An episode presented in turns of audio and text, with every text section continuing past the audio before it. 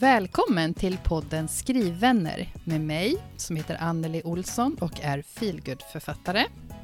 Och mig, Stina Flodén, spänningsförfattare. Det här är podden för dig som vill ha sällskap i skrivprocessen.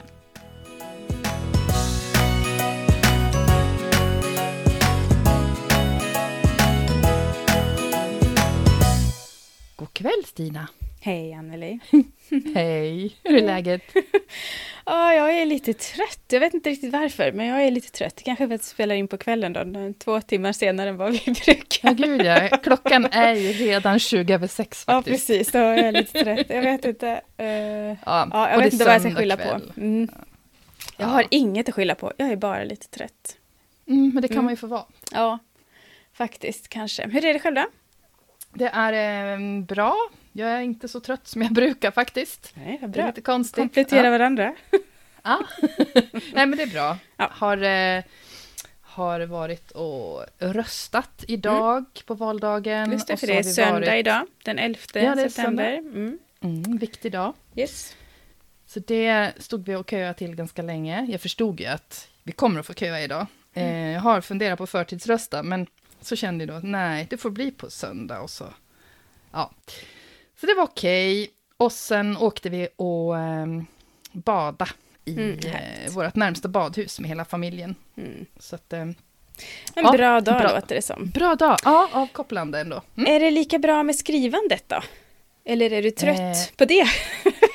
alltså jag har ju en paus just nu. oh, och det, ja men alltså jag är, jag är ah. jätteglad för det. Hade du eh, skickat in för när vi sågs förra gången? Eh, Nej, det kan jag inte ha Nej. gjort. För att Nej. jag skickade in det... Jag skulle nog ha skickat in det egentligen. Ja, det skulle jag ha gjort.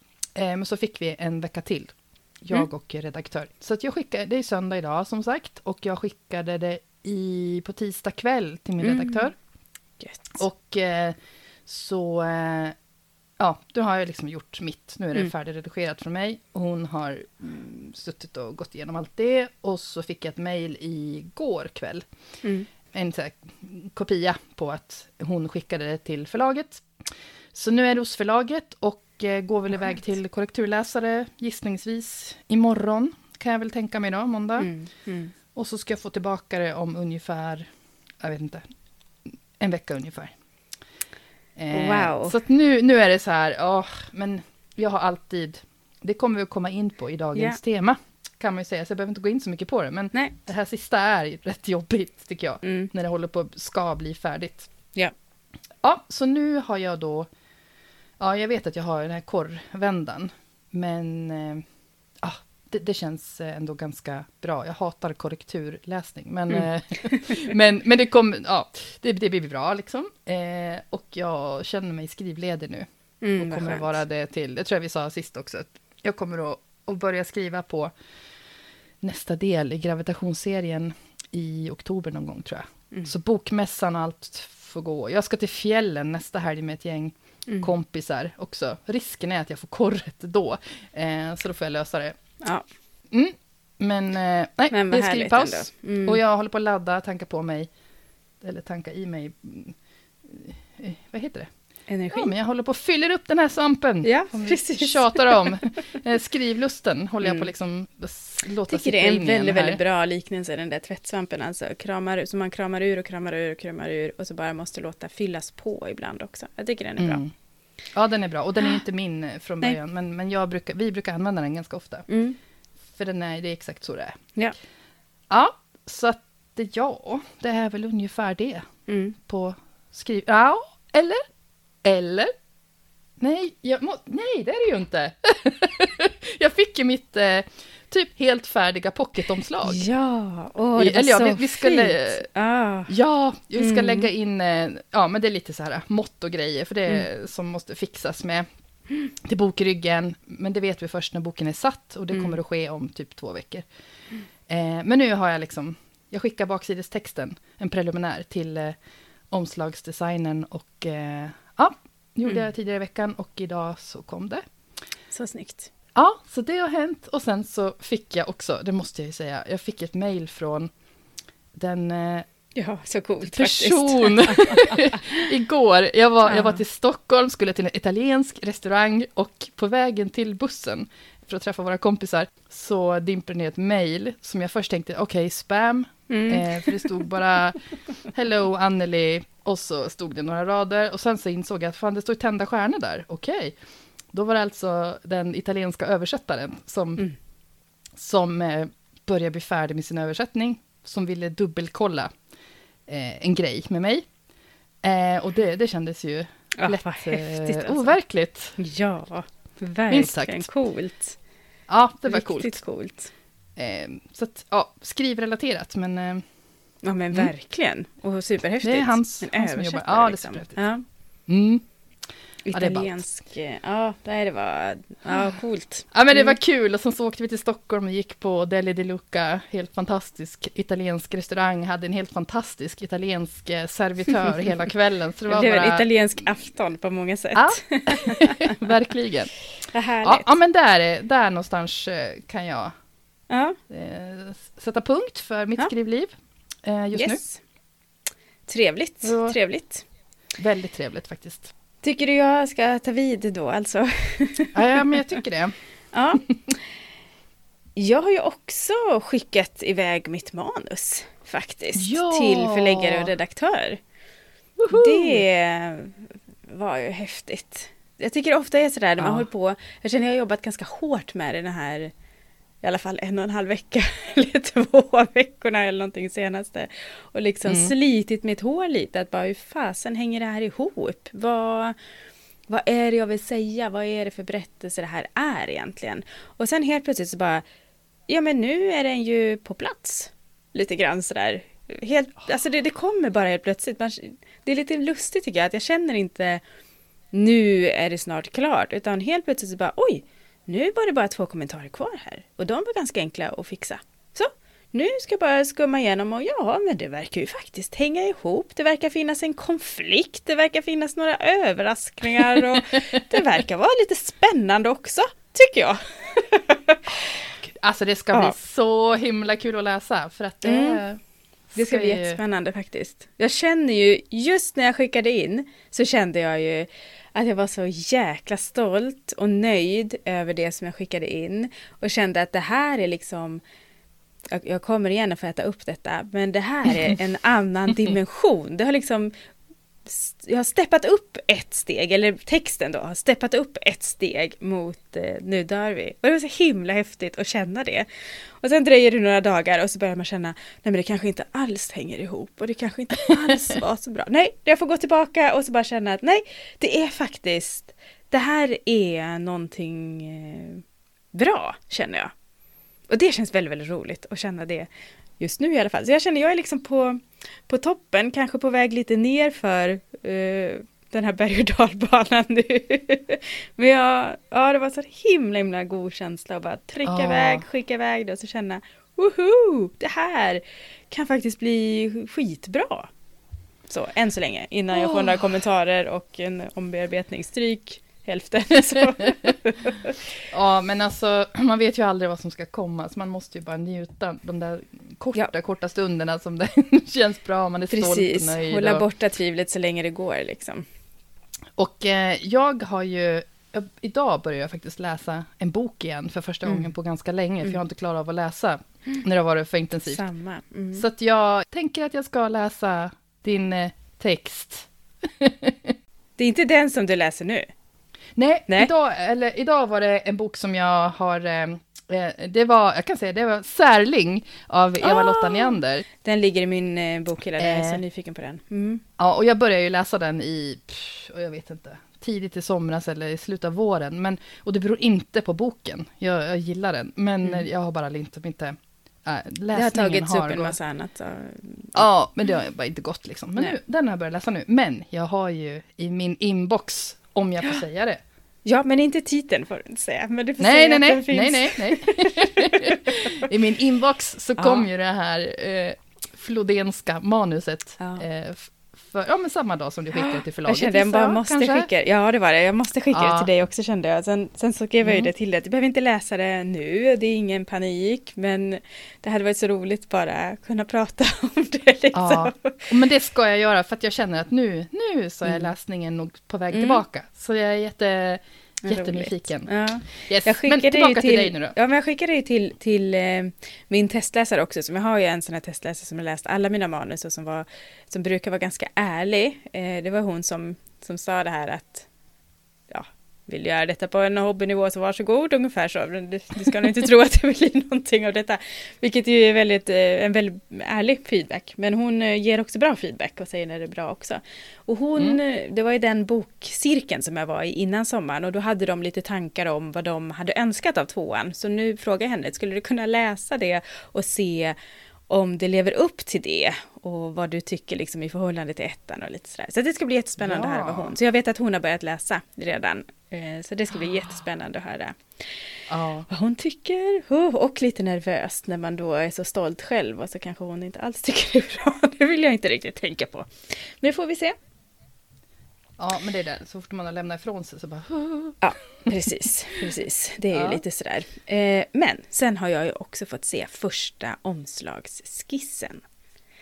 Ja! Och det, är, det blir eh, kanon detta kan jag säga. Jag kan ju inte säga så mycket mer men eh, ja, jag var jättenöjd. Så vi har verkligen något att jobba vidare med här. Woho! Ah, Det var så roligt. Ja. Så jag är verkligen så här. Och sen har jag haft den här helgen, i första helgen på jättelänge, där jag inte har gjort något. Jag har inte haft någonting inbokat. Ingen signering, ingen liksom resa någonstans eller någonting. Så jag har också bara satt mig ner och läst. Så det är kanske är därför jag är lite trött också, för att jag har landat lite, börjar återhämta Mm. lite. Ja, men du vet, lite sådär. Ta det lugnt. Och så um, kommer kroppen ikapp. Så att, Mm. ja. Men jag känner mig superpepp på hösten faktiskt. Det gör jag. ja, kul. Mm. Påminn mig om det sen. Ja, ja, men detsamma. Detsamma, detsamma. Ja. Det är skönt Ja. att det känns bra nu i alla fall. Så får vi lyssna Exakt. tillbaka. Hur kändes Nu det då är egentligen? allt vi har, eller hur? Ja, precis. Men ska vi gå in i, i det lite, vill du, eller vill du säga någonting mer? Eller ska vi Nej, gå in i det någonting mer. lite jobbigare ämnet då som vi har som Ja. huvudämne? Mm, då gör vi det. Det gör vi.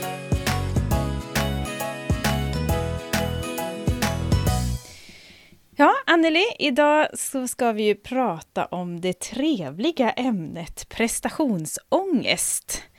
Äntligen, säger jag. det känns Ja, som vi pratar om det hela tiden.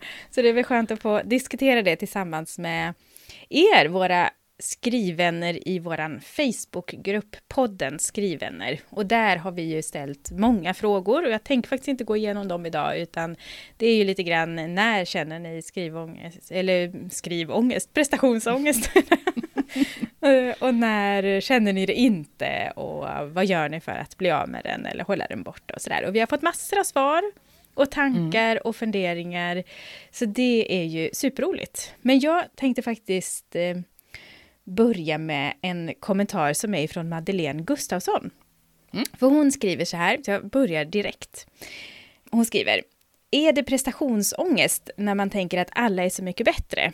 När jag tänker att trots att jag fått många lys- lyssnare så är det för att de inte har sett igenom att jag egentligen inte kan. Och då tänker jag ju fråga dig Anneli, är det det här som är prestationsångest? Eller vad är prestationsångest? Ja, gud. När jag läste Madeleines kommentar, då Ja. var det det första som dök upp för mig, det var så här, jämförelsesjuka och bluffsyndrom. Eh, men jag tänker, de är väldigt nära besläktad med prestationsångest. Mm, mm. Eh, men då som jag ibland gör, så har jag googlat prestationsångest. Det har faktiskt jag också du idag. Har du gjort ja. det? ja, då får vi se vad vi har hittat för Ja, olika då. Ska jag precis. köra här då? Ja, För då, då, ham- då, då jag hamnade på, eh, den träffen jag fick upp var från BUP. Men då har vi barn- samma, vad bra. vi samma, men då läser jag Ja, barn den. och ungdomspsykiatrin. Det var ja. den första träffen jag fick upp Och och, väldigt den... kort och kortfattad och tydlig på något sätt. Ja, och det var ju inte så att man inte kände igen det här heller. Nej, Eh, precis. och på, på eh, BUPs eh, hemsida så stod det då att prestationsångest är eh, rädsla för att misslyckas eller rädsla för att inte lyckas leva upp till sina egna eller andras förväntningar. Mm. Och det fångar väl alltihop. Ja, det får vi jag. väl Eller alltihop. hålla med men, om. Ja, det är ju en... eh, Ja, jag tror att vi kan känna igen oss i det där allihopa. För jag Mm. tänker att prestationsångest har otroligt mycket med... Det är förväntningar. Det Ja. är nog... eh, Ja, Precis. ha, finns det inga förväntningar då kan man knappast misslyckas heller, tänker jag. Nej, det har du nog rätt i. Misslyckas i förhållande till vad då, liksom? Ja, men precis. Ja. Men är det, är, det så, är det så du känner då? När du har, har du, har du prestationsångest, Anneli? Nej, det har aldrig hänt faktiskt. Och Nej. det är så himla skönt. Ja, det måste det vara. Åh, jag glider fram på min räkmacka. Aha, Eh, jag, jag har ju, alltså jag har haft så extrem prestationsångest hela mitt liv kring allt som, eh, ja men det är just det här, när jag ska göra någonting, jag vill göra saker så bra jag bara kan. Mm, Och inte göra fel. Mm. Inte göra fel, ja. Det är, Mm. det är det jag, för misslyckas, så har jag kanske inte riktigt tänkt, men att jag vill inte göra fel, jag hatar att göra fel, Mm. tycker det är obehagligt. Men samtidigt, det, vem gör inte fel? Ehm, så det är ju, det är ju jobbigt. Och det, det hör då, som jag, som jag sa där i, för en stund sedan, jag tycker att det hör ju väldigt mycket ihop också med att när man börjar jämföra sig med andra och vad man tänker att man själv tycker att det där är bra i till Mm. exempel då i språket i en bok eller handlingen eller hur någon lyckas med någonting.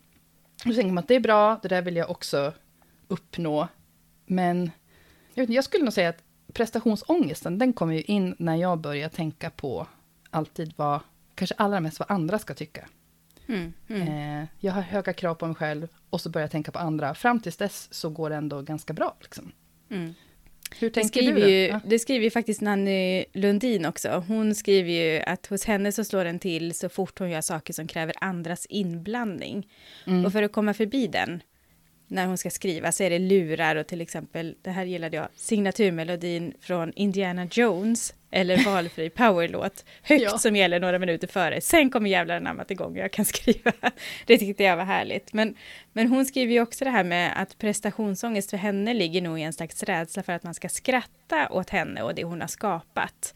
Mm. Eh, Och det är ju ungefär det här som att, att misslyckas eller att man inte lever upp till förväntningar, utan att det finns någon förväntan på en, från sig själv eller från andra, som man då är rädd för att inte nå upp till, att de ska skratta åt en. Mm. Eh, och det håller ju henne tillbaka då, på många sätt, beskriver hon ju, fast i andra ord. Ja, och eh, jag tycker att det som Mattias Olsson också har skrivit i gruppen, eh, om när han, eh, Mm. Han eh, skriver om en eh, signering som han var på ganska nyligen, där han börjar känna att eh, oj, låter den här boken presentera den här lite bättre än vad den egentligen är. Mm. Så att eh, läsaren kommer att bli besviken när de kommer att läsa den här boken sen som de köper. Mm. Ja, så skriver att jag vet inte om... klassiska... Ja, Ja. Mm. Nej, men han skriver att jag vet inte om det räknas som prestationsångest, men det blev så tydligt för mig när jag stod där. Man ska sälja Mm. in det man själv har gjort och så, ja, gud ja, det är nog Ja, den och ultimata... då känner man sig som den här bluffen verkligen, att men herregud, jag vet ju inte alls vad jag håller på med liksom. Man drabbas ju av det lite, lite då och då. Men när, när känner du som, som mest, allra, allra mest prestationsångest? Eh, den känner jag i slutredigeringen, tror jag. Ja. När jag då vet att eh, okej, allt jag gör nu blir förhoppningsvis bättre, eller det gör texten Mm. bättre, men jag vet att eh, det är snart, min chans är snart över. Jag kan inte göra något mer med det här, även om jag skulle vilja. Och det har vi också pratat om, det är himla bra också att man måste sluta någon gång. Men då i slutredigeringen, då, då tycker jag det är, då undrar jag ju varför. Mm. Eh, jag utsätter mig gång på gång. Eh, och sen så är det när, när boken finns till lyssning eller läsning i nätbokhandeln eller streamingtjänsterna och sådär. Då slår det ju eh, släppdagen, kul, dag nummer två, eh, inte så Hjälp. kul. För då är, då är det hjälp. Så att det är liksom precis i slutet när det ska bli färdigt. Eh, och att om jag också tänker, till exempel nu, när jag har suttit och skrivit på min sista del i den här Alva Bergman-serien, så har jag tänkt, Mm. försökt att inte tänka för mycket på eh, de som faktiskt har tyckt om de första två böckerna, bara, kommer de att bli besviken nu? Den där... Ja, förväntningarna hos läsarna nu. Mm. Ja, precis. Förväntningarna hos läsarna och bara lever jag upp till det här? För jag tänker de som inte har gillat det här tidigare, de kommer ju inte läsa den här. De har haft två chanser på sig att sluta läsa liksom. Mm. Så att det där, då blir det ganska jobbigt. Men jag tänker det också, ja. för, för, det är ju egentligen, är det ju, när jag håller på och jobbar i mitt vanliga jobb och sådär, det är klart att jag blir bedömd, men, men här blir man ju alltså bedömd på ett helt annat sätt än vad mm. jag blir i, i, ett, i de flesta alltså van, vanliga, om du förstår vad jag menar då, men yrken, så blir mm. man ju inte bedömd på det här sättet riktigt. Alltså man kan ju bli riktigt sågad. Jag tänker så som Hans Christian Höje skriver att det som ger mig mest prestationsångest är de höga krav man måste leva upp till för att ha en chans att bli antagen. Och det skriver också Maria Klintenäs att om just det här att, att lyckas bli en av de få framgångsrika. Och här mm. är det ju liksom någon annan som, som bedömer och säger nej det här vill vi inte ge ut eller det här är, är tillräckligt bra för att ge ut. Och där har vi ju Alltså jättehöga krav som ändå ställs på oss som ska skriva böcker. Och det mm. är ju få branscher, tänker jag, som ställer så enormt höga krav på en kvalitet där man har gjort ett jobb utan att veta vart det landar någonstans. Ja, exakt. För det, även om alltså, de allra flesta jobb kräver ju mycket av en, Ja, oavsett vad absolut. man jobbar med. Men det här blir, det här är så otroligt, ett stort projekt som man ofta håller på med ganska länge. Ja. Och man lägger in så mycket av sig själv, även om man inte skriver om sig själv och så vidare. Men mm. det blir det extra också, känsligt. Annette Bergendahl skriver det, hon skriver ju jättefint här och, och berättar om, om sin prestationsångest i jämförelse med andra som hon pratar om för första gången här i, mm. i podden till och med, vilket är, är jättefint eh, Anette att du känner att du kan göra det. Och hon skriver ju också det att hon blev ledsen när hon fick ett brev från ett förlag där hon tidigare har gett ut tre feelgood romaner och att synopsisen då som hon hade skickat in inte riktigt var aktuell för en utgivning. Och då är det en historia som hon tycker mycket om och kommer givetvis att spara på. Men det där nejet när man också redan har mm. gett ut flera böcker. Alltså man, man har ju aldrig, det kanske man inte har riktigt på, på alla jobb heller, men man har aldrig den där tryggheten att bara för att du har gett ut x antal böcker så är det inte säkert att du får fortsätta heller. Och, och just det här att man mm. lägger in så mycket av sig själv och sina känslor och sin energi och tid och man vill det här så himla mycket oavsett var i kedjan man är, om jag får uttrycka mig så. Så är det ju klart att man att det är en prestationsångest man kan, man kan känna där och då, kommer här att hålla? Att man, man mm. måste hitta liksom något sätt att leva med den Eh, på något sjukt sätt, liksom, för man är inte riktigt säker. Nej, och sen i den här branschen tänker jag också att när man får ett nej, så mm. det är ju inte per automatik så att eh, man har skrivit en, ett dåligt manus. Vi nej. vet ju liksom inte riktigt vad, vad är det de vill Absolut. ha just nu. Då. Det kanske de inte själva riktigt vet heller förrän de hittar, de sitter och läser något som de känner, ja, det här ska vi ha. Eller just det här som vi har pratat om också, om att det är ju det ska passa in i deras utgivningsschema och hur många, mm. hur många deckare har de där, eller hur många feelgood ja. har de där. Eh, eller att det är någon annan som de precis antagit som liknar ja. det man själv har gjort. Så att, och det där vet man ju inte när man sitter där och skickar in sitt manus Nej. till förlag. Så det är också jäkligt svårt alltså. Och ja. Klart man, man, man blir ju ledsen om man får prestationsångest och allt det där. Ja. Eh, och samtidigt så vet, vet man inte på vilka grunder man har nej, fått man vet ett nej. Inte Oftast heller vad, man vad betyder det här standardnejet som jag har fått. Man kan ju bli, jag blev ja. galen av alla det här och försökte analysera minsta lilla ord och, och sen till ja. ändå efter några år bara, nej men det där var nog ett standard fast det stod att de hade läst med intresse. Liksom. Ja.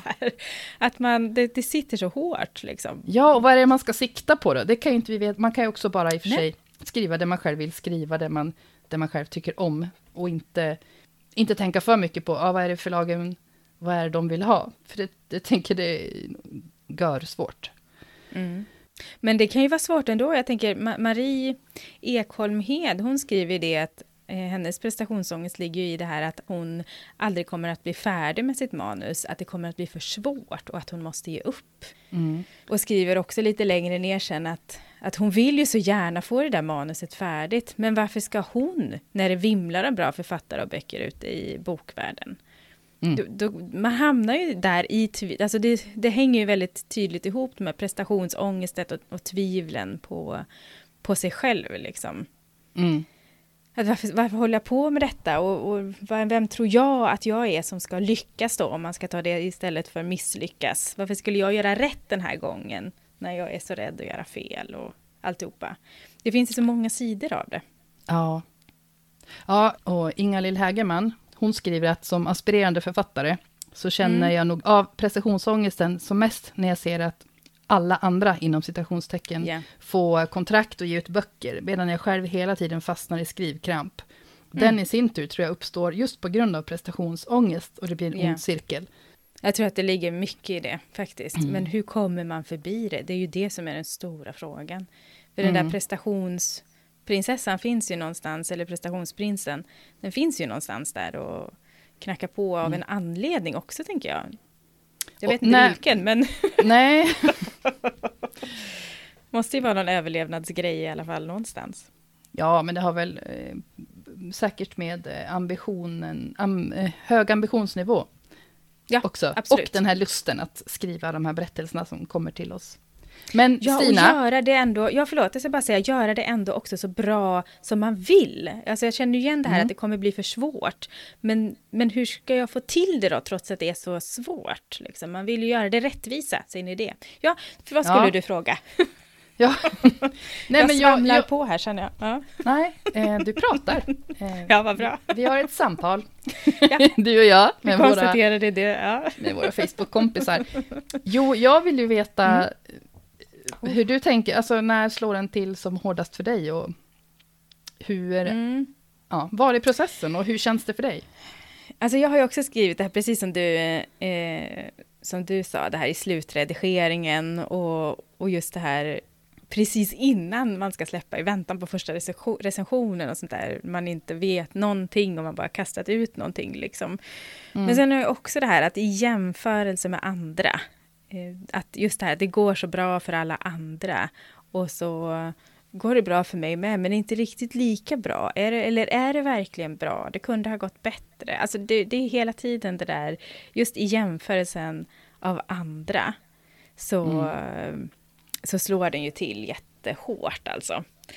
Men sen tänkte jag också att, fast jag har ju haft den här, jag har haft ett sånt himla motstånd och ångest hela, hela sommaren på något sätt. Men, men det kanske inte är prestationsångest. All ångest kopplat till skrivandet måste ju inte vara prestationsångest heller. Eller? Kan det vara någon annan ångest? Jag blev lite så här, eller är det prestationsångest jag har Ja, känt du. Hela sommaren? Är det här motståndet att men jag orkar inte gå in i detta igen. Jag orkar inte, nu är väl det, jag orkar inte tänka, jag orkar inte prestera text liksom och något smart. Så jag orkar Nej. inte tänka. Och det behöver kanske inte vara ångest, utan det, som, som sagt, det är ju fullt normalt att bara vara trött också och känna motstånd. att man kanske behöver lite mer vila helt Lite enkelt. vila. Mm. Ja, precis, och få släppa, precis. släppa på det. Ja, det är sant. Man, kan- man kan vara så mycket i, i detta att man har svårt att se vad som är Mm. vad ibland.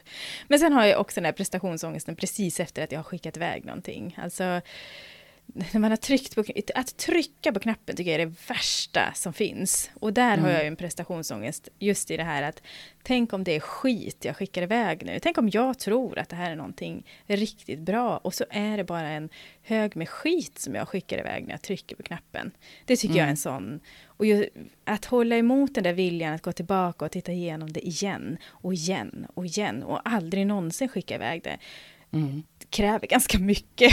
liksom att, nej men nu Ja. måste jag trycka på knappen. Det är ett, ett aktivt beslut varenda gång jag trycker på knappen att nu måste jag trycka på knappen innan jag ångrar mig. Liksom. Så Mm. det, det, fin, det är ju den anledningen som, som du får trycka på knappen i alla poddavsnitten också. Annars hade det aldrig kommit ut några avsnitt. Jag hade behövt lyssna igenom lite till. ja, det är en bra fördelning, Ja. för den, eh, Ja, ja, det tycker jag verkligen. just den knappen där- fixar jag rätt bra. Ja, nej, jag hade tyckt att det var jobbigt. Men det, där slår den till eh, faktiskt också. Och i jämförelsen då, när man, när man känner att nej, jag levde inte upp till det här. Eh, för mig själv Mm. också. Jag hade ju den, jag återkommer ju till det, när jag läste den här återkopplingen från förläggaren i det manuset som inte blev antaget till slut, bara sjönk ner på, på golvet och grät lite grann för att jag kände att nej men jag Mm. klarar inte av det. Jag, jag kan inte leva upp till de krav som finns. Och att Mm. inse det och, och liksom på något sätt svika mig själv var nog... Eh, eh, ja, det var, det, den kommer att finnas kvar, så kan jag säga. Den, Mm. eh, det var nog en av de värsta jag har känt faktiskt. För att det blev så tydligt att det var jag som inte kunde. Eh, så det är nog min allra värsta stund, tror jag. För Ja. man är ju, jag tänkte på det också när, när jag tänkte lite inför här, att man är så himla ensam i, i det här med att, att skicka iväg, att, att jag tycker att det är så himla bra. Men det är ju bara jag som vet vad det här är och då är det ju bara jag som kan tycka att det är bra. Det är ingen annan som kan säga innan de har läst Mm. att shit Stina, det här gjorde du skitbra. Utan det är Mm. bara jag som, jag måste lita på mitt eget omdöme och det är ganska läskigt ibland att lita på att det är bra. Det Ja, har jag för att- fått jobba med. Ja, vi, alltså vi bor i, i Janteland. Det kan man ju Mm. inte säga nog många gånger. Så Nej. när, när den där känslan kommer, att nej, men det här var nog, det här var ju riktigt bra för att vara ett råmanus eller vad, vad man nu är någonstans. Ja. Ehm, och då är det lätt, tycker jag, att genast bara hamna i att, åh gud, vilken självgod jäkel du är. Hybrisvarning på dig. Nu, Ja. nu, nu kan fallet bara bli hårt liksom. och det Ja. där är ju inte ett dugg konstruktivt. Fasen. Nej. Men, ja, Men det är det som är läskigt också, när man säger till sig själv att det här var bra, så vet man ju också just det. Vi pratade ju lite om det i förra avsnittet också, det här att man ska vara, man måste gå in i självförtroende i den här branschen på något sätt, men fallhöjden blir så mycket högre än Mm. vad jag är van vid med mitt andra inställs, inställningssätt då, eller vad man ska kalla det. Så det är ju lite så. Och Men när, ja, Jag vi skulle vilja lyfta in eh, Cecilia Ekhems eh, Ja. kommentar här också, för att när man då är på andra sidan antagningsstrecket, eller att man har gett ut en bok själv, så skriver hon eh, så att prestationsångesten är störst när det jag skriver inte når ut som jag hoppats. mm, Och ja, det är ju också mm, självklart. Då kan man ju inte, jag vet inte. Då, då blir det mycket besvikelse, det har vi pratat om nu i, i sommar. Men det kan ju också bli den här, ja jag vet inte, då, då tänker man ju framöver. mm, Eller jag har gjort så, bara, jaha, så här, så här blev det. Hur ska jag kunna göra för att det ska bli, ska gå bättre en Mm. annan gång? Liksom, det är ju, det är verkligen saker man inte själv kan påverka särskilt mycket heller. nej. Men det är Eh, svårt. Mm, ja, Och man vet aldrig. Det är väl därför man är lite extra nervös just när man ska släppa boken. Att man vet aldrig liksom hur fasen den ska tas emot. Och det är Nej. läskigt. Ja, det är läskigt. att släppa Ja. böcker. Helt klart. Verkligen. Men det, det jag då tror att du kanske var på väg till, Ja. är att vi ska gå till den här lite ljusare, lättare sidan. Precis, Ja. när känner du som minst Anneli? Som minst prestationsångest. Betyder Det- det också att man har det som roligast då tror du? Ja, jag tror det. Eller för Ja. mig är det definitivt Ja. så. När liksom då, då har jag inte bjudit in, eller inga oinbjudna gäster har tagit sig in i mitt, Nej. i mitt huvud. Liksom. Då är det bara Nej. jag. Och det här, det här tycker jag är en, en klart röd tråd bland alla kommentarer, eller många kommentarer, om när tappar jag ordet? Prestationsångest heter det. Nej, inte det, men ibland många kommentarer så har jag sett det, att det är just under skrivandet av eh, råmanuset. Mm. Och eh, till exempel så skriver, och det här, det, så här är det för mig också, Annette Bergendahl skriver att hon är som mest tillfreds med sitt författarskap när hon skriver eller gör research och bygger karaktärer. Mm. Och, och så känner jag också, för då är man bara, då går man in i sin egen, man är i den här bubblan där ingen kan komma åt den. Och man, man vet själv inte riktigt kanske var man kommer att landa heller. Och ja, det är Mm. mer lustfyllt och roligt då i början. Mm. Sen har jag snackat om att jag gillar att redigera, för att då ser man att texten lyfter. Men jag har insett mer och mer att det är ju alltid vid sluttampen här som prestationsångesten blir så jäkla mm. jobbig, så att jag vill sluta varje gång, typ. Mm. Jag tycker det ska bli jättespännande nu i min andra runda och se, blir det likadant?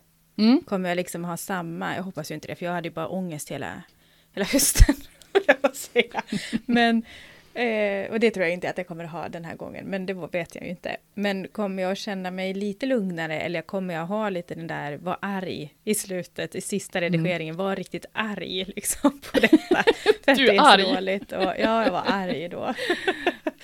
men jag tänkte också att jag skulle ja. säga bara just det här att, jag sa ju det, att det är ju inte alla som tycker att det är man känner som minst prestationsångest när man skriver råmanus. Men det Nej. tror jag också, om jag har förstått saken rätt, så tror jag också att det handlar om, har man inte skrivit klart sitt första råmanus, så mm. har man, alltså man kanske inte kommer vidare eller man börjar om på nytt, man har inte liksom avslutat ett råmanus, då mm. växer ju prestationsångesten kring det. Då blir ju det som ett oöverstigligt berg till slut, att man kan inte komma till punkt, liksom. man kan inte komma till sista sidan, då blir ju det en, en känsla av misslyckande eller en risk för misslyckande, eller mm. en förväntan av sig själv som man inte lever upp till och då slår ju prestationsångesten in och, och sätter, sätter käppar i hjulet.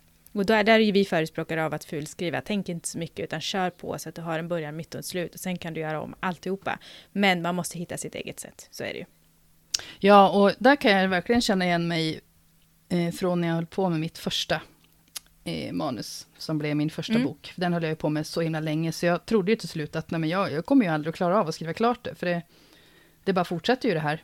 Eh, ja. Och sen så gick det så lång tid mellan de här skrivperioderna, att jag, jag satte mig och strök mycket av det jag hade gjort tidigare, för att jag hade förändrats, mina idéer hade förändrats, jag hade ingen tydlig plan, och jag är ju en sån som då har, vill ha en plan.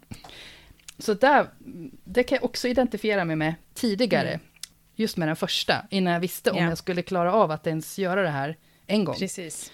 Jag tänker det är en viktig aspekt, att den kanske släpper, när man väl har klarat av det en gång, så kanske det mm. faktiskt släpper.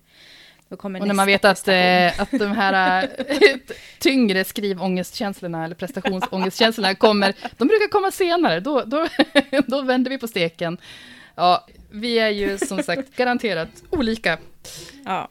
För, för jag har också faktiskt som, som minst, alltså, minst prestationsångest just i, i, i redigeringen när man känner att nu händer det något. Nu lyfter texten. Man kanske inte vet exakt vad det är eller så skriver man in en eh, sidospår eller inte vet jag vad man gör. Men om man känner liksom verkligen att nu händer det något med texten. Där mm. tycker jag jag har, där har jag som minst prestationsångest. Då är det bara magi på något sätt. Då är jag bara, alltså då pirrar det på ett positivt sätt i hela kroppen. Faktiskt. Just när det, det lyfter, då är jag så här, nu händer det. Så. Ja, de guldstunderna. ja, precis. Det, det, kan, det kan bli lite som ett flow då, sen skriver flow mm. som man kanske inte har superofta. Och eh Hans Christian Höje, han skriver yes också, jag tycker det tangerar väl lite det du sa nu, att mm. eh, när han fokuserar på att leva sig in i berättelsen, då släpper oftast prestationsångesten taget. För då kommer lusten och ändra saker mer naturligt och det kan till och med bli roligt. Ja. Eh, helt klart. Precis. Sen kan man ju se det också som, som för Johanna Sennelin, hon, hon håller ju med dig om att minst prestationsångest när hon skriver första utkastet. Eh, för mm. där är jag ju bara kreativ och allt är möjligt. En blivande bestseller skriver hon där. Mm. Eh, och hon har inga krav på att det måste bli bra. Men som mest prestationsångest får hon då också i redigeringen. Där kommer kraven på att texten ska bli bra, både story och språk och tvivlet dyker upp. Vem vill läsa den här skiten? Och så vidare. Jag skrattade mm. lite när jag läste det, för jag kände liksom det här. Vem vill läsa den här skiten? tror jag alla ställer sig någon gång. Men det är lite lustigt det där att man både i redigering kan känna det värsta och det bästa lite grann. För det gör jag då. Mm. Men, men det fick mig också tänka lite grann på det här, både hennes kommentar om att allt är möjligt och det här som Marie Ekholm Hed skrev, att, att det, kommer att bli för svårt, eh, fick mig att tänka på idéstadiet.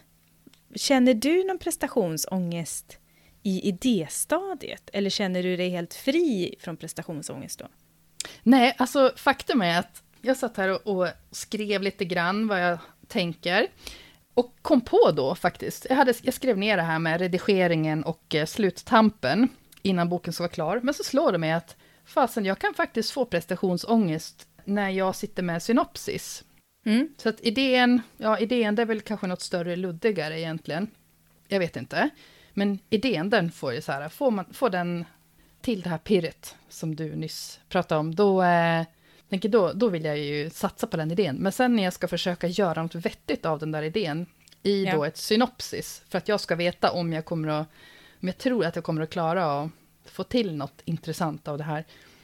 Där kan jag få lite, där kan det komma lite prestationsångest Mm. också. Att, men eh, blir det här, alltså jag, kommer det här att göra min idé rätta? För att i ens huvud så, så är det ju suveränt liksom. Eh, Mm, Och det är inte så himla lätt att förvalta. Nej, och det är väl det som är precis. hela författargrejen, att man ska försöka... eh, Göra verklighet Ja. av sin fantasi. ja, titta, jag, jag har inte ens Det ord. Ja, nej, jag vet inte om det är det du menar heller egentligen. Jag är också Jo, men alltså försöka, Men- ja, nej men det är som att Mm. man, man ser en, eh, en supervacker solnedgång och så ska jag försöka rita av den och så blir det, Mm. det blir eh, Platt. streckgubbar liksom av Ja. det hela. Eh, Ja. Mm. Precis. Hur- det, hur är det det- kan jag... Jo, men jag kan känna igen det, det är just det här... Jag har i den här... Mitt synopsisprojekt nu då, som jag håller på med, som, som kanske blir någonting annat, men skitsamma.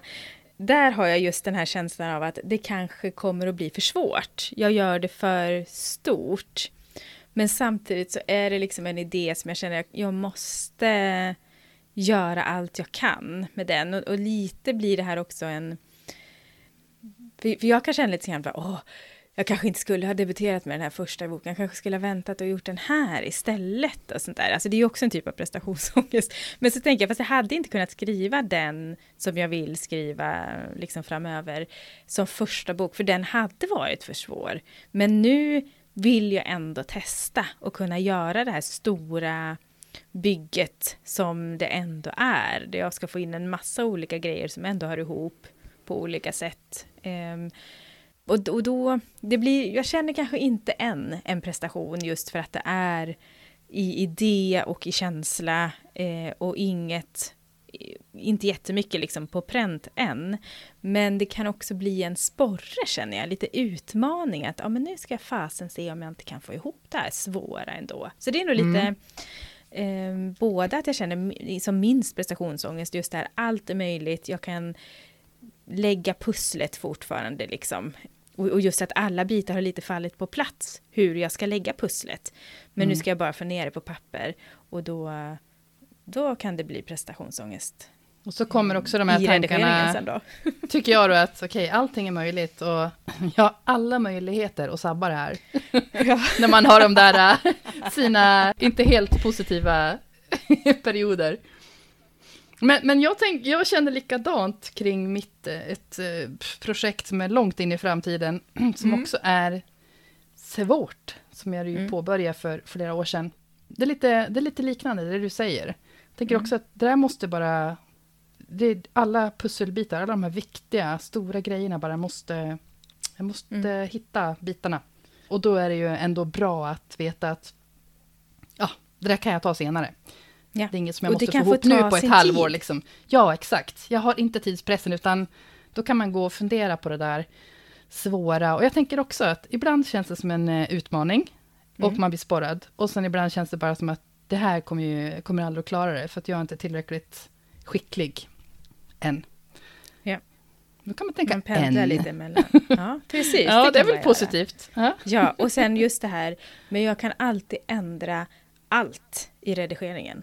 Men då Mm. har jag i alla fall gjort något. Liksom, Ja. lite grann. Men det, ja, den kan man gå tillbaka till ett tag. Men sen Ja. kan man ju inte det. Det är väl därför som slutredigeringen är så himla jobbig. För att då kan man inte gå tillbaka och ändra och skriva om allt. Nej, och det här är ju, gäller ju när man har fått ett, ett bokavtal Ja. liksom, om utgivning. För att det är då, det har jag verkligen känt av Ja. sen, ja, ja men eh, jag har, det är mitt första avtal som jag har för, ja, i min nya serie. Och då har jag ju verkligen, jag gillar deadlines, gör jag fortfarande, men den här tidsaspekten som ändå finns där, den skapar ju en otrolig prestationsångest ibland. Att man vet Mm. att okej, alltså mm, i slutet av den där månaden, då, är det, då ska det vara klart. Då ska det här vara läsbart och helst bra. Liksom. Mm. Eh, så det tillför ju en, en Men, men jag dimension. tänker faktiskt att, att jag ändå eh, ska säga det här som, som Marie Ekholm Hed också skrev, för hon och Inga-Lill har haft en liten konversation här som jag gillar jättemycket, att de har peppat varandra och stöttat varandra lite i den här eh, Ja. tråden också. Och hon skriver så här, att, eh, Marie då, att hon har lagt den här omöjliga texten då på is just nu och börjat på en helt ny historia. Har också tänkt ge upp många gånger, men jag vill ju skriva. Så hon tog en paus, två veckor nästan, gick i skogen, målade lite, läste och gjorde allt annat utom att skriva. Och nu skriver hon mycket lättare på den här nya berättelsen och mycket mer också. Hon ser scener framför sig och har lagt all struktur lite åt sidan och bara skriver. Och hon tror att regler hit och dit låste henne ganska mycket och nu tänker hon bara på de här allra största punkterna. Mm. Och sen får de väl redigera massa skriver hon, men då får det väl vara så. Ge inte upp. Och det kan vi bara instämma i. Ge inte upp. Men det är ju det här också, det glömmer man ju nästan eh, skrämmande fort, att det tar ju ganska lång tid att hitta vad funkar för mig. Just det här med vilka regler vill jag förhålla mig till? Hur vill jag planera min historia? Vill jag ha ett kapitelsynopsis eller vill jag ha de här största punkterna bara? Och det kan ju också förändras under tiden. Jag började också precis så som Marie skriver med de här största punkterna bara och sen så skrev jag på. Men nu gör jag mer kapitel eh, synopsis med någon mening i alla fall för att veta vad som ska hända. Men, Och det, har, det funkar ju för mig nu, men för någon annan så fun, det funkade ju inte för mig ifrån början. Liksom. Så, så det där att hitta en process där man känner att nu fattar jag, nu har jag någonting på gång här som funkar för mig. Det tar ju också tid. Och att hålla på fram och tillbaka och inte hitta sin process är ju också en prestationsångest. Man ser att oh, men Mm. alla andra vet ju precis hur de ska göra, alla andra håller på och planerar, men, men det funkar inte för mig. Hur ska jag göra liksom? Det där kan ju ta jättehårt på en faktiskt. Och också att eh, fastna kring, som det har jag till exempel gjort, fastna kring någonting man hör i en podd eller läser i en bok om, Ja. eh, så här bör du tänka när du skriver dialog eller eh, tempo, bla bla bla. Det, det har jag upplevt kanske mer i början i och för sig. Nu försöker jag, att- nu gör jag som jag gör här. och försöker förhålla mig till dramaturgiska kurvor och sånt där, de här stora grejerna. Men sånt där kan verkligen skapa prestationsångest också. Man snöar in på men, Ja. exempelvis dialoger då. Att, eh, ja, gör si, gör så. Och så känner man att man når inte dit, eller Mm. att det känns inte bra för en själv, och så kommer den där prestationen Ja. att, eh, ja, men exakt som du Eller säger. den här författaren som är kan. så himla duktig. Ja men precis, den här författaren som är så himla duktig gör så och jag kan inte så, Mm. då kommer jag aldrig att bli så duktig. Fast det stämmer Nej. inte. Man kan ändå bli liksom så bra man vill eller så bra man kan. Liksom. Man måste bara hitta sitt sätt och det får också ta tid. Testa och göra på ett annat sätt. Så, så som Marie gjorde. Så, så. Jag hoppas att det ska gå jättebra. Du får hålla oss uppdaterade Marie. Så vi får veta om det här funkade bättre för dig. Om du Mm.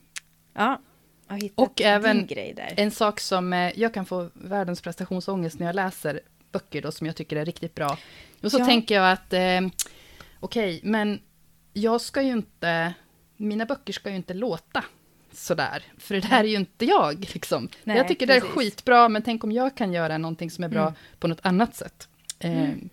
Precis. det är mycket- jag skriver på mitt sätt. Och det är väl det där, då är vi tillbaka i det, att våga lita på sig själv. Mm. Wow, vilket är läskigt. men det är väl det man måste göra. Ja. Ja, men jag tänker också när vi pratar ändå om det här med aspirerande författare och, och utgivning och skillnaden däremellan. Tycker du att prestationsångesten har förändrats för dig? Sen du gav ut din första, alltså från innan du gav ut din första bok och idag? Kommer du ihåg? Mm. Ja, Den, det är svårt att komma ihåg.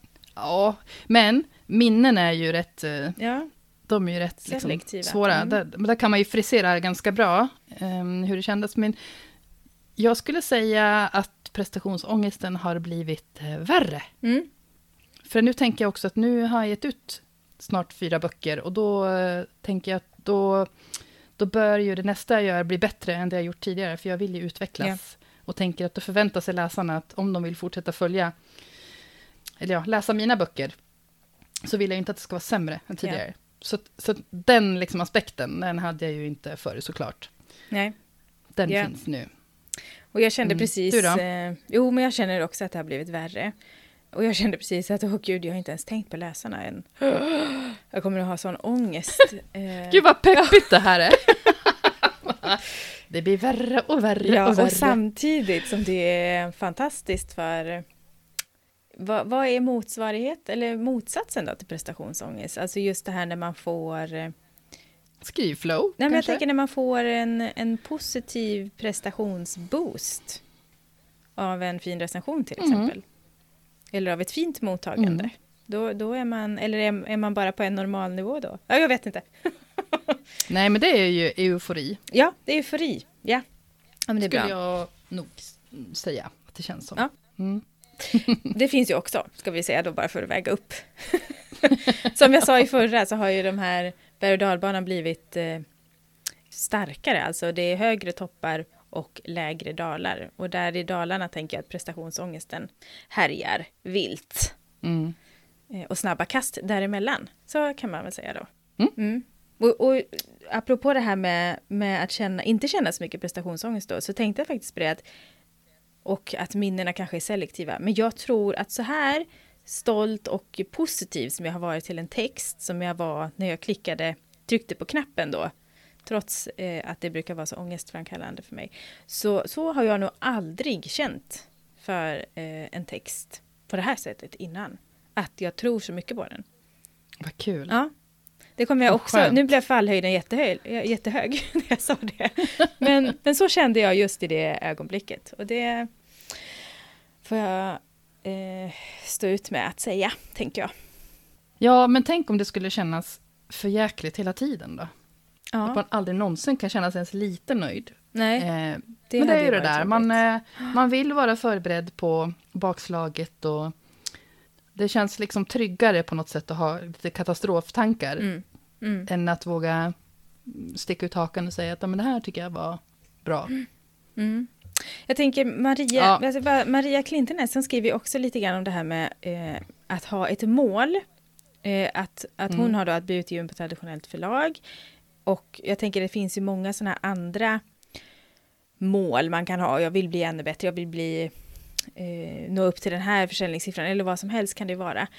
Och baksidan är ju att målet förvandlar något som hon älskar till att handla om prestation. Och det är ju verkligen det där, hur fasen ska man då tackla det? Vad gör man? Hur, hur får du bort din prestationsångest, Anneli? För det, det, vi vill ju inte ha den så ofta, i alla fall. Nej, men jag tror att det, det som är mest effektivt för mig, det är att göra någonting helt annat. Mm. Som någon mer här i gruppen så som Marisa, ja. Mm. hade skrivit.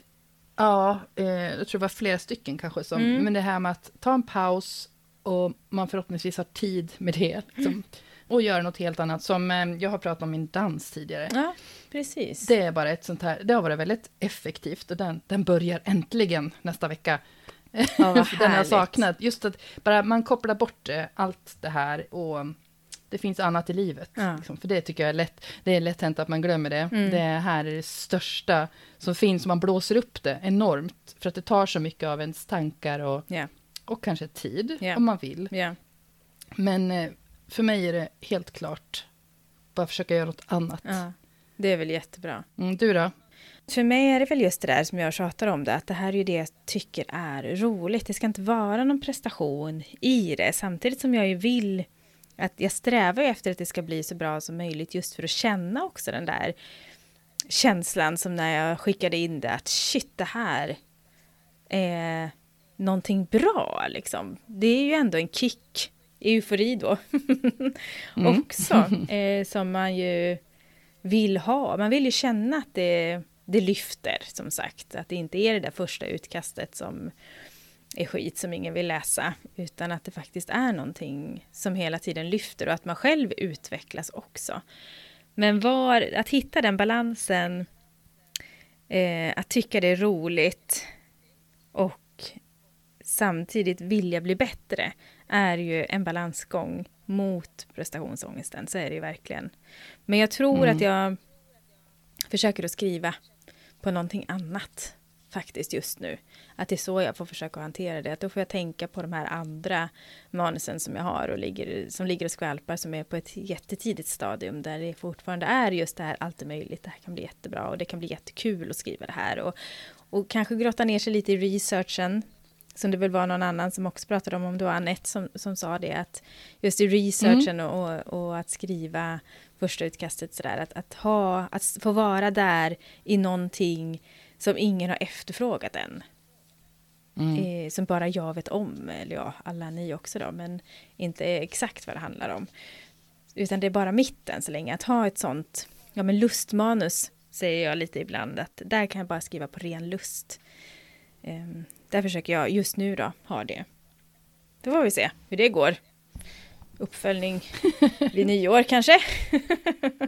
ja, spännande att se hur långt det kommer då. Ja, ja min prestationsspiral. Ja. Så. Ja. Yes. ja. Jag tror att vi nog har tagit oss igenom det här. Mm. Jag tänkte faktiskt att jag skulle säga att det fanns ju på på BUP så fanns ju också lite olika tips för hur man kunde hantera en, eh, sin prestationsångest. Ja, det. Och det var någon grej där som jag tyckte var lite eh, spännande. Att det här att när man jämför sig med andra, eftersom det var en sån grej som jag då eh, hakar upp mig på när det gäller prestationsångesten, så ska man nog komma ihåg det här att vi vi pratar på olika sätt om det vi gör. Att vissa lägger till och andra drar ifrån. Och så skriver de att det är omöjligt att se hela bilden av en annan människa och omöjligt att veta vad som faktiskt är sant. Och, liksom, och i vilket härade i sanningen man är, liksom. Eller härad. Och det tycker jag är en ganska bra grej att liksom ändå eh, ha med sig att bara för att vi ser att alla lägger upp att åh, oh, jag fick kontrakt här, jag fick utländsk, utlandskontrakt där, min bok har sålt så här mycket, nu fick jag eh, ja, vad det nu kan vara, det här priset eller någonting, så ser vi inte all det tvivlet och den prestationsångesten kanske som ligger bakom det också. Och det är nog ganska viktigt att komma mm. ihåg att bara för att det ser ut som en dans på rosor så är det troligtvis inte en dans på rosor. Nej. Så ska man alltid eh, behandla sociala medier, tänker jag. Precis. Både, både vuxna som ungdomar, för vi vuxna vi kan också mm. trilla dit. Mm. Precis. Och tro på det där. Man, och så mixar man ihop också, man mixar ihop massa olika positiva händelser och bra egenskaper från massa olika människor och så klumpar man ihop det till en superperson. Mm. Och så, då går det ju inte att vinna, inom citationstecken. Precis. Ja. Och då ska man våga göra misstag och se det som tillfällen att träna på det man gör då. Mm. Nu, nu läste jag inte hela den, men jag tyckte att just den där början är ganska bra. Att våga testa och eh, blir inte som, alltså som, är det inte John Ajvide Lindqvist som har en sån skrivbok, misslyckas misslyckas bättre. Det tycker jag är en ganska, ganska bra grej. Jag har inte läst den, ja. men jag gillar titeln. ja. Men vi kanske ska få avsluta där då, så att vi får komma ja. vidare. ja, vi gör så. Yes.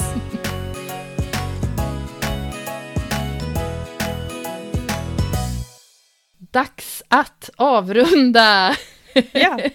prestationsångest-avsnittet. Eh, det, ja, det var bra att prata om. Mm eh, faktiskt. Det blev långt, som det brukar bli.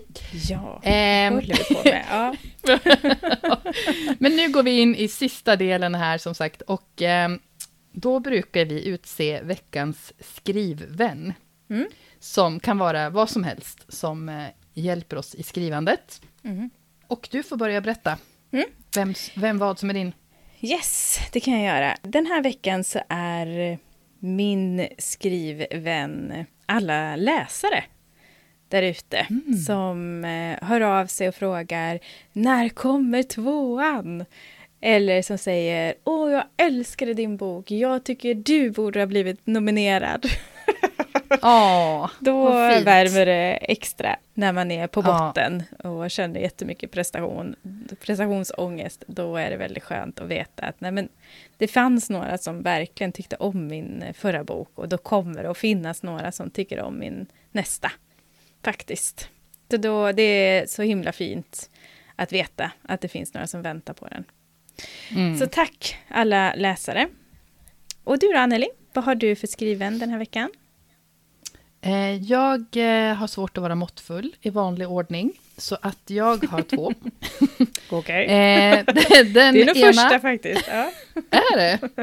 kanske. Ja. Ja, jag, är, jag tycker att jag är aldrig lagom. Men i alla fall, skrivpaus är Ah, nummer ett faktiskt. yes. För att Mm. jag tycker det är jäkligt skönt nu att inte få ur mig text. Alltså jag jobbar ju med att skriva om dagarna ändå. Och jag Mm. tycker det är väldigt skönt därför just nu att Mm. bara pausa och gå och tänka på min nästa bok. Mm.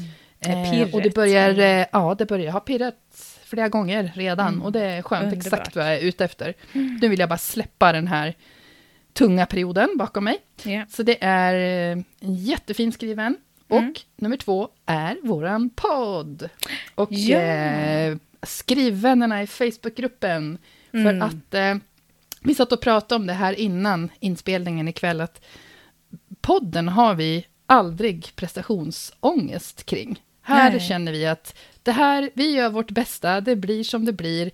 Och vi har roligt. Och eh, Ja. ni verkar vara ganska många som lyssnar på oss faktiskt. Ja, precis. Vi säger ju det efter varje Mm. avsnitt. Vad pratade vi om egentligen? Vad sa jag egentligen? Men det är fortfarande ingen prestation i det, utan någonstans så vet vi, ja, ja, det brukar ju bli hyfsat i alla fall sådär, fast man känner att man har bara flummat sådär. Men det är ingen Ja. prestation i den känslan heller, utan det är bara ett konstaterande och det är väldigt, väldigt skönt. Det här är ingen prestation. Mm. Nej, för det här är, det här är så värdefullt för, Mm. för oss och vi hoppas ju för, eh, för dig som lyssnar och är med i Mm. Facebookgruppen, just att bara få de här olika infallsvinklarna på de här Mm. olika, eh, alla olika teman som vi Mm. har, och att, att, att vi själva behöver tänka till. Ja, Eh, Det tycker jag är utvecklande.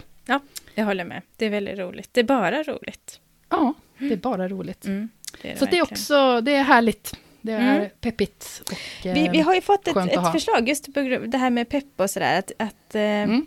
Annette skrev det att hon, eh, något som hon tänkte på var det här med hoppet som vi författare har. Har ni tagit upp den frågan någon gång, frågar hon. Och det, vi har ju pratat om det här, hur orkar vi, eller hur står vi ut, eller någonting sånt där har vi gjort. Men vi kanske skulle prata Mm. hybris någon gång, har jag tänkt. Ja, det vore väl kul. Ja, det kanske vi ska Lite-. Jag skriver in det i våran, eh, våran lista här. för, för vad, vad har vi för tema Ja. nästa, nästa gång, Anneli? Du, det har jag ingen aning om. Då Vet kan jag du? berätta, ja, för att då är det bokmässa. Då har Ja, vi varit på det. bokmässa precis. Den lilla grejen, Ja, Men så då gud. blir det ett specialavsnitt, tänker jag. Det här, är vi, vi har ju inte, Åh! det här är också, visar också lite grann på hur, vi, hur lite prestationsångest vi har kring de här bitarna. För vi har inte pratat om hur vi ska göra den här mäss-specialen. Men, så Nej. vi får ju se lite vad det blir för ett avsnitt nästa gång om två veckor. Men, så, men ni får gärna, vi kommer väl lägga ut ett, ett eh, vad heter det, inte ett avsnitt, ett inlägg heter det, eh, i Facebookgruppen om det avsnittet. Och ni får gärna Ja. skriva bara vad ni tänker, alltså skriv vad som helst som har med Bokmässan i Göteborg att göra, så, så får vi se liksom, tipsa om ni är där. Eh, jag kommer ju finnas i eh, Bokfabrikens monter B0821. Eh, på, Oj, framförallt. vad du ja. kan. Jajamän, Oj. den har jag pluggat in. Ah, Ja, okej. no, no pressure. Eh, på, på, på lördag 10.30 har jag ett scen, eh, framträdande där, scensamtal med min förläggare och lite signering efter. Så det hade varit superkul om vi såg och ser ni oss på mässgolvet så ta tag i oss och hojta till och säga att jag är en skriven. För det är ju jätteroligt att få reda på. Och du Anneli, när, när, för du är ju också på mässan har jag förstått. Ja, visst är jag det. Och Mm. eh, jag tänker jag tar och kollar om jag kan få fram mitt monternummer. Jag kan Men säga du, jag att tittade på... på det igår ju, gjorde ju jag. Och du kommer inte ihåg det, herregud. Nej, det gör jag Nej, inte. jag skojar. Men... ehm, mm, mm, ja. Nej, men jag kommer i alla fall att stå i... Eh, Saga har ingen egen monter, utan jag kommer att finnas under... Vi får stå under Idus flagg.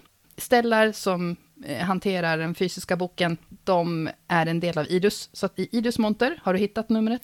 Jag skulle gissa på B0739 faktiskt. Ja, okej. Ja. Mm. ja, det här har varit så långt fram i tiden för mig, eh, så att jag har eh, ingen koll.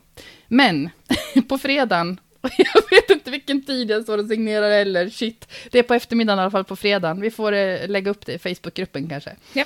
Jag tror att det, kan vara mellan Under fem... avsnittet där. Ja, förlåt. Ja, precis. Jag tror det kan vara mellan- eh, mellan fem... fem kanske mellan 15 och 17.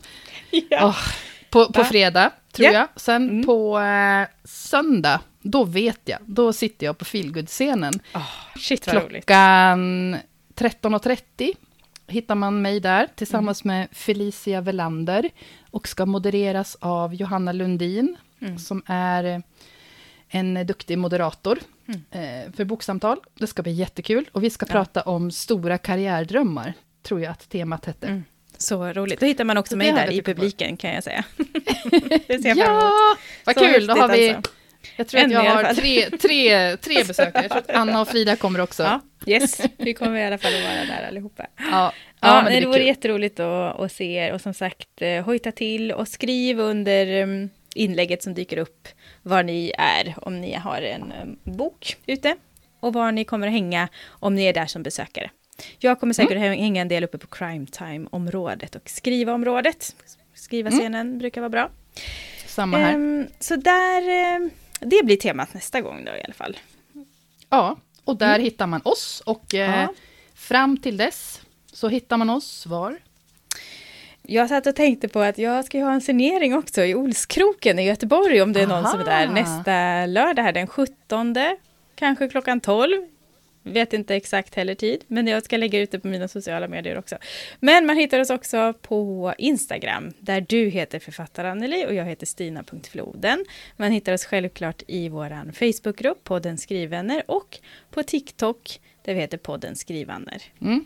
Ja, men tusen tack allihopa för att ni så generöst har delat med er av er prestationsångest. Eh, och när ni inte Mm. har den. Det är så himla roligt att ni är så många som, eh, som skriver och att det blir diskussioner i våra trådar.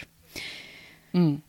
Och tack för att ni lyssnar. Tack Anneli för att du är så bra. Tack Stina, tack Ja, till tack. dig som har lyssnat. Ja. Och eh, ja, hoppas att vi stöter ihop på eh, Ja, på bokmässan. Verkligen. Ja. Vi ses då. Yay. Ha det så gör gott. vi. Ha det Hej då! Hej då!